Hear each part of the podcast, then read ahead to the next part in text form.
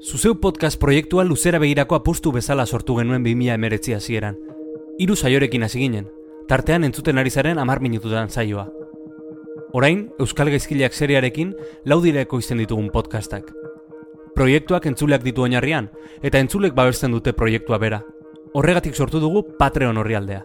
Audiogintza zuri esker egin nahi dugulako. Patreon horrialdean hiru arpidetza mota topatuko dituzu. Aukeratu egokiena iruditzen zaizuna, zuzeu podcast komunitatera batu eta proiektua babesteko. Sartu patreon.com barra zuzeupod elbidera. Hori da, patreon.com barra zuzeupod. Eta arpidetu gure edukietara.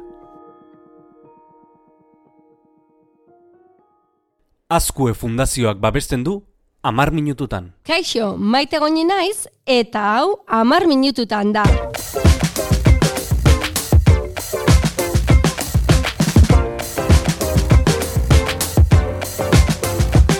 Denbora horretan zure galderak erantzun eta praktika eredugarriak ezagutuko ditugu. Ea ba!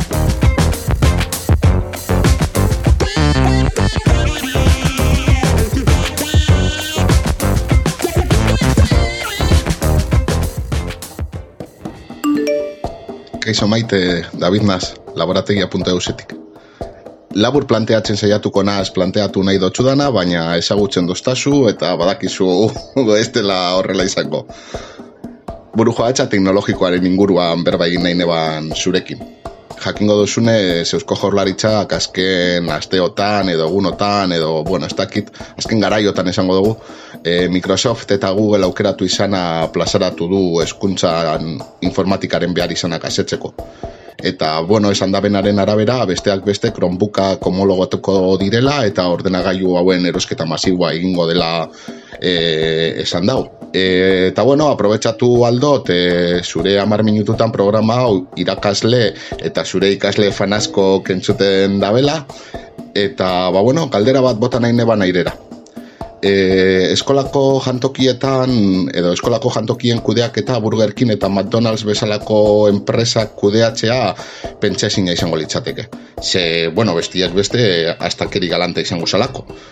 Ba, nolatan erabaki genezake ikasle jasoko daben informatika eskuntza guztia Google eta Microsoften esku ustea. Niretzako benetan ulerte da. Baina, bueno, hori izan nola nairera bota nahi neban pentsakera bat edo. E, benetako galdera da, haber uste dozun, e, kezka hau, e, eskuntza komunitatearekin nolabait konpartitu aldogula, eta zentzuk izango ziren e, biderik onena, onenak. Izan be, Euskal Herrian izan dira software librean eta buru jabetza teknologikoan oinarritutako esperientziak eskuntzan.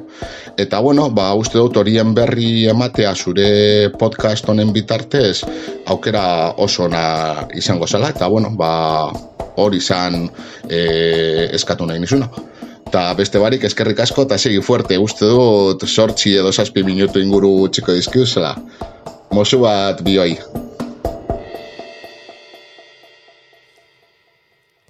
David, azteko galdera eskertu nahi dizut, e, bueno, oba, oso osotasunean, bere osotasunean plazarotu duzu alderdi guztietatik, eta beraz, ba, saiatuko gara, heltzen, naiz eta bakizu, onelako formatu labur batean, ba, hainbeste ertz dituen gai bati heltzea olako batean, ba, agian e, saio bat, baino gehiago eskaini beharko diogu e, gaiari.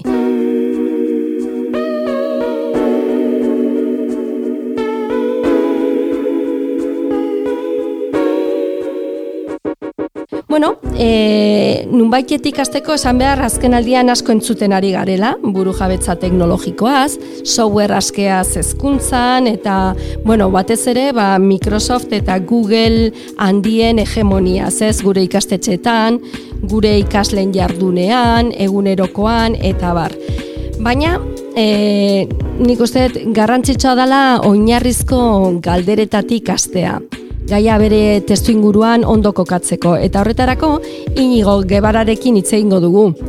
Berak, e, ba, aurkeztuko digu pixka hobeto edo lagunduko digu lertzen hobeto, zein den egoera eta abar, engai honen inguruan. Inigo, ezkuntzan ere librezale taldearen kide da. Bai. Bai, egunon, inigo, e, amar minutu eta e, podcastetik, maite. Azteko, bai, bai bueno, e, badakizu zein den gaia, lehen e, esan dizudalako, eta azteko, lehenengo galdera oso begiristakoa iritzen zaitez, ez dakinaren zat. Zertaz ari gara buru jabetza teknologikoa ez e, itzeiten ari garenean, edo software libreaz, eta software librea edo software irekia zitzegin beharko genuke. Konto iguzu pixka bat horren inguruan. Bueno, e, kontzeptu ezberdinak dira, eh? Uh alde batetik software librea da software askea, eta beste aldetik... Buru jabetza. E, buru jabetza, bai, bai. E, software askea edo librea azkenean da, e, kodigoa ikus dezakegun software bat, ez dago itxia, ikus dezakegun uh -huh. moldatu dezakegu, eta, bueno, bero licentzia ezberdinak daude ere bai baina horren arabera ba, ikus genezake zer dagoen kode horren atzean, eta lotua dago nola ez, buru jabetza teknologiakoarekin e, gaur egun e, software horrek datu asko biltzen ditulako, gure datu asko, eta ikus ba ezakegu zer dagoen atzean, ikus ezakegu zer egiten duen software horrek. Aldiz, ba, baldin badaukagu itxia, ez dakigu zer egiten duen software horrek, eta gaur egun badakigu enpresek gure datuekin lan egiten dutela, uh eta ez dakigu oso ondo ze datuekin egiten duten, orduan garrantzitsua.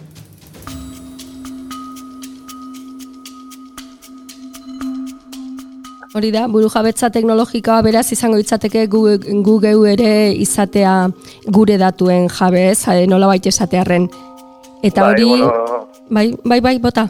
Bai, ez zabalago alitzateke uh -huh. ez, baina hola motean esan da, horrela esan duke. Uh Ez, e, ordun bigarren galdera oso garrantzitsua da, e, ba, ez, esatea zergatik dan bereziki hezkuntzan garrantzitsua ba, software irekiaz, e, irekia erabiltzea, ez da? E, badakigu Google eta Microsoft, e, Davide korrela ere galderan aipatu digu, Google eta Microsoft sartzen ari direla, batez ere aurrekoan ere iragarpen bat e, entzun genuen, ez? E, ba, dualak izango direla gure ikasleen ordenagailuak eta bar eta orduan ba e, pixka bat horren inguruan zergatik da importantea software irekia edo erabiltzea gure eskoletan hezkuntzan O, lehen esan duan bezala, ba, bestarlo guztietan bezala, buru jabetza ere garrantzitsua da, ez? Eta batez ere, gauza badagu e, guk erabakitzea gure datuekin zer egiten dugun, eta beste gauza bada gure ikasleen datuekin zer egiten dugun. Uh Eta,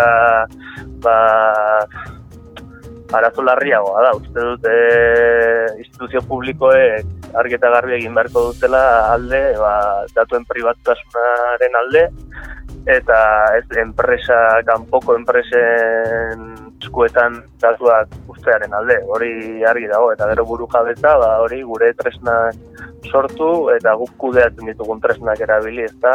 Eta gero ere ematen du aukera gainera e, hizkuntza gutxiagotu baten e, Euskararen inguruan ari bagara ere, Euskara zipinditzak egu ez gure esku dago hori?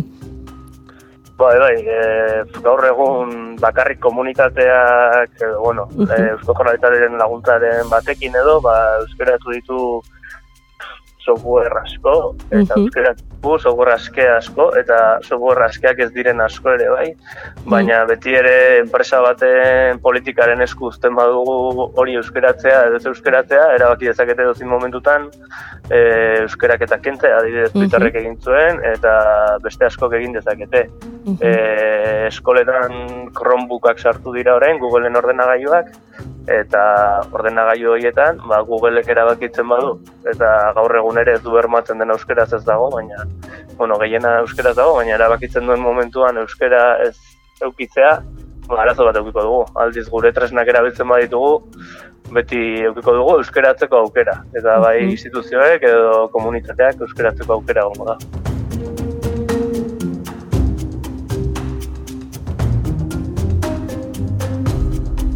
Eta e, galdera ere izango litzateke ia egindan e, gaur egun mugimendu handia dago eta entzuten dugu sarean e, alde guztietatik ez pixka bat ba, Google eta Microsoft hoiek ba, alde batera utzi behar ditugula eta itzeiten ari garen arrazoi hauengatik eta bitartean ba, ezkuntza saia beste erabaki batzuk artean ari da orentxe bertan.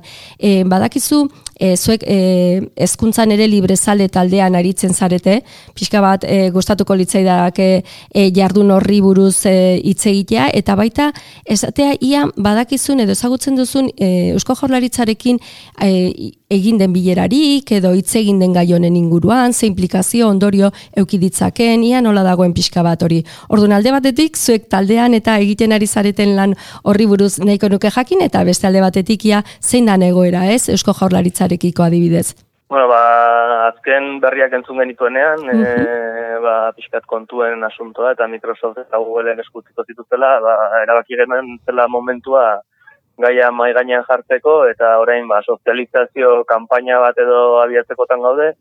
Orduan Durangoko azokan aurkezteko asmoa dugu eta momentuan lanean gaude. Bai, e, atletik lanean eh du ezer plazaratu orainik nahi dugu ondo egin eta azkenean nahi dugu argi erakutsi ez dela ba lau frikien preocupazio bat baizik eta ba gizarteak ere ba, ikusi behar duela, dagoela. Katalunian ekiznet mugimenduak egin zuen horrelako zerbait, gurasoak elkartu ziren, eta lortu duten bintzat mai gainean jartzea gaia, eta prentxan agertzea. Ze uste dugu e, eragile askori e, afektatzen dion gaia dela, eta momentua dela ba, mai gainean jartzeko, eta orduan, bueno, taldean ekimen desberdinak egiten ditugu, saiatzen gara ba, tresnak ere pixka probatzen, tresna askeak, ze alternatiba aurkitu ditzakegun, eta olako lanketak egiten, ba, hor gaude gura, ba, dire e, irakasleak, e, ikasleak ere bai, eta zenbat elkarte, eta hortan gabiltza. Eta egoeraren inguruan, Euskal Herriko ikastetxeetan, eta bar, nola dago egoera? E, badago olako adibide arrakastatxurik, eta, bueno, e, ikastetxe osoki software librea erabiltzen dutenak badira, eta bar? Ba, uste dut osoki, osoki, ez dago la ikastetxerik software librea erabiltzen duenik, baina badire zenbat esperientzia, ba, duela urte batzuk e, irungo berritze eguneko arduradunak, gara hartan luberrin zegoen, donostian, eta atera zuen distribuzio bat, bai Linux e, banaketa bat, eta banaketa hori gaur egunera biltzen da eskola askotan, baina hor e, pausoa edo eman behar duguna da online zerbitzuetan, ez da, e, oiek Googleen benpe daude uste du eskolen euneko laro gaita marrean hola, pixkat optimista izan. Egia da, e, nik badakit, bueno, Estremadurakoekin eta harreman handia izan dudalako eta aukera izan dudalako, beraiekin ba, lan egiteko eta bar batzuetan, e, ba, han el, pixkat aurreratu eta badi hostela edo sakai, e, saiakera nahiko garrantzitsua egin dutela, ez da? Honen inguruan, Badakizu zerbait? Bai, e, badakit beste komuni, estatuko beste komunitate batzuetan, bai, badirela, e, Linux distribuzioak azteko, uh komunitate gehienetan, hango gobernuen jarriak dira, edo hango ezkuntza uh jarria dira. Hemengo kasuan, ba, azkenean bolondresek edo egindako lan bada. Uh argi dago beste komunitatetan lan handia egin dela, bai, uh aragoin ere nahiko, nahiko lan politen dute, Katalunian, Valentzian, eta Estremadurakoa ere bai, eta espaldi hasi zutela, guain ez dakit zertan diren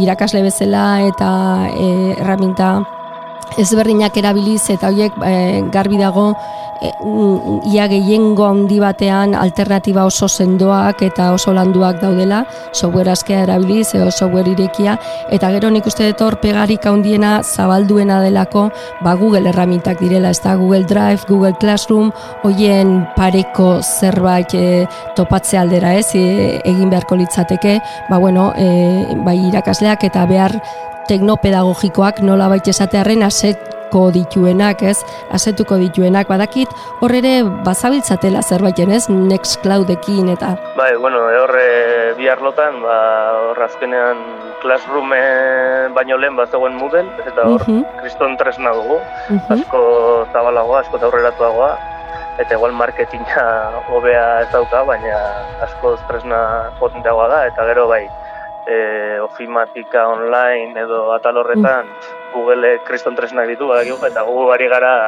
Nextcloudekin lanean, e, hor plataforma bat montatu dugu edo taldeko batek montatu du eta hor probak egiten ditugu ea e, zer egin daiteken, nola egin daiteken, e, Googleko ba, zerbitzuekin parekatu daiteken eta gauza askotan ba, probak egin behar dira. Bai.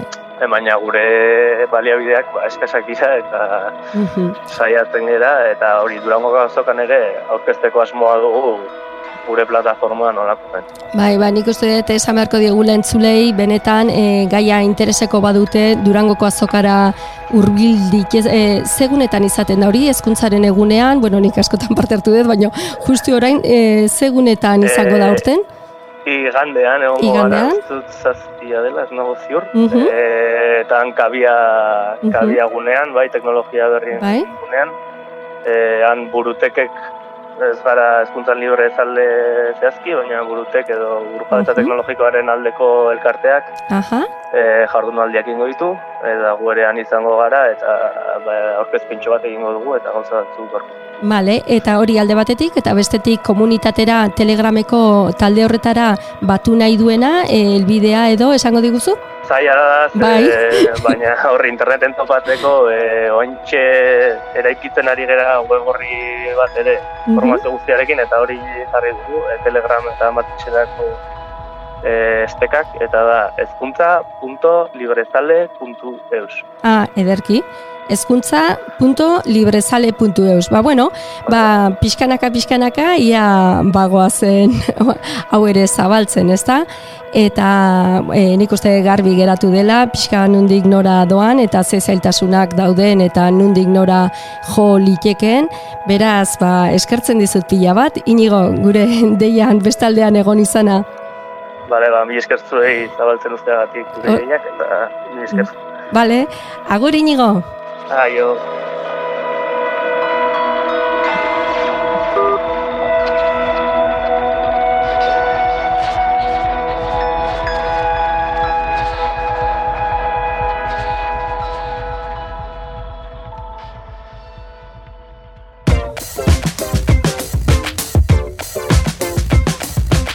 Ba, inigo kutzi dizkigu hausnarketarako gai ugari, eta gainera ikusi dugu gaurko saioan kezka nondik datorren ez. Nik uste dut gaia oso garrantzitsua dela guztiontzat, ze ez da nola nahiko erabakia. Hezkuntza eredu badago atzean eta baita ba, gure ikaslek teknologiarekin etorkizunean zein harreman mota izango duten erabakitzen ari gara. Beraz, gai esan bezala oso hausnarketa handia behar duena.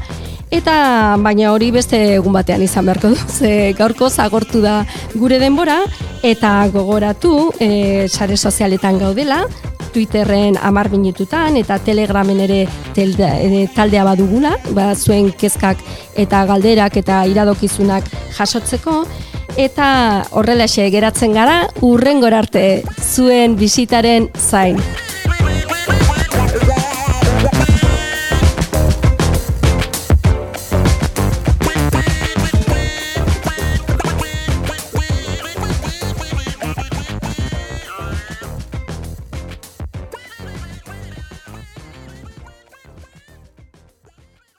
Edo zein audio plataformatan entzun dezakezu zuzeu podcast. Spotify, Apple Podcast, Stitcher, eta bestela sartu podcast.eus elbidera. Hori da, podcast.eus. Eta bertan topatuko dituzu ekoizten ditugun saio guztiak.